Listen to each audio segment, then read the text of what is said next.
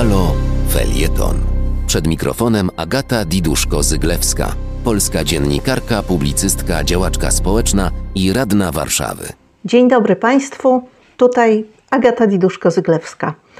Muszę powiedzieć, że jeszcze nie ochłonęłam, choć minęły już dwa dni od kiedy przypadkiem trafiłam na plan katastroficznego thrillera zorganizowany przez państwo i usłużnych fundamentalistów. Wygląda na to, że dla uczczenia Międzynarodowego Dnia Kobiet. Gdyby ktoś mnie pytał, jak tę produkcję nazwać, to myślę, że niezłym pomysłem jest 8 marca inwazja płodów. Czy wy też tam byłyście?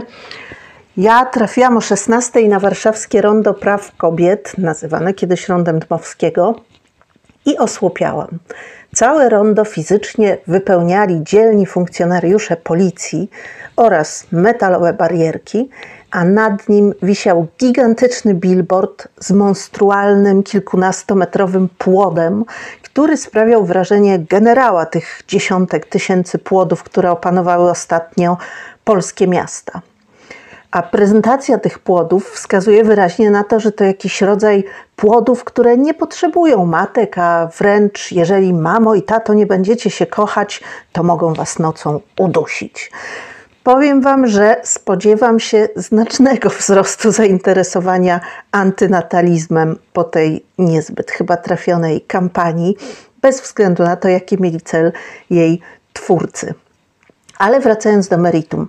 Na planie owego thrillera 8 marca Inwazja Płodów miałam nawet scenę dialogową z udziałem policji, która w 16-osobowym układzie choreograficznym otoczyła mnie wraz z grupką dzieciaków z młodej lewicy i zwierzyła się nam, że kiedy tak idziemy ulicą z tymi flagami wiosny, lewicy, to wyglądamy bardzo podejrzanie.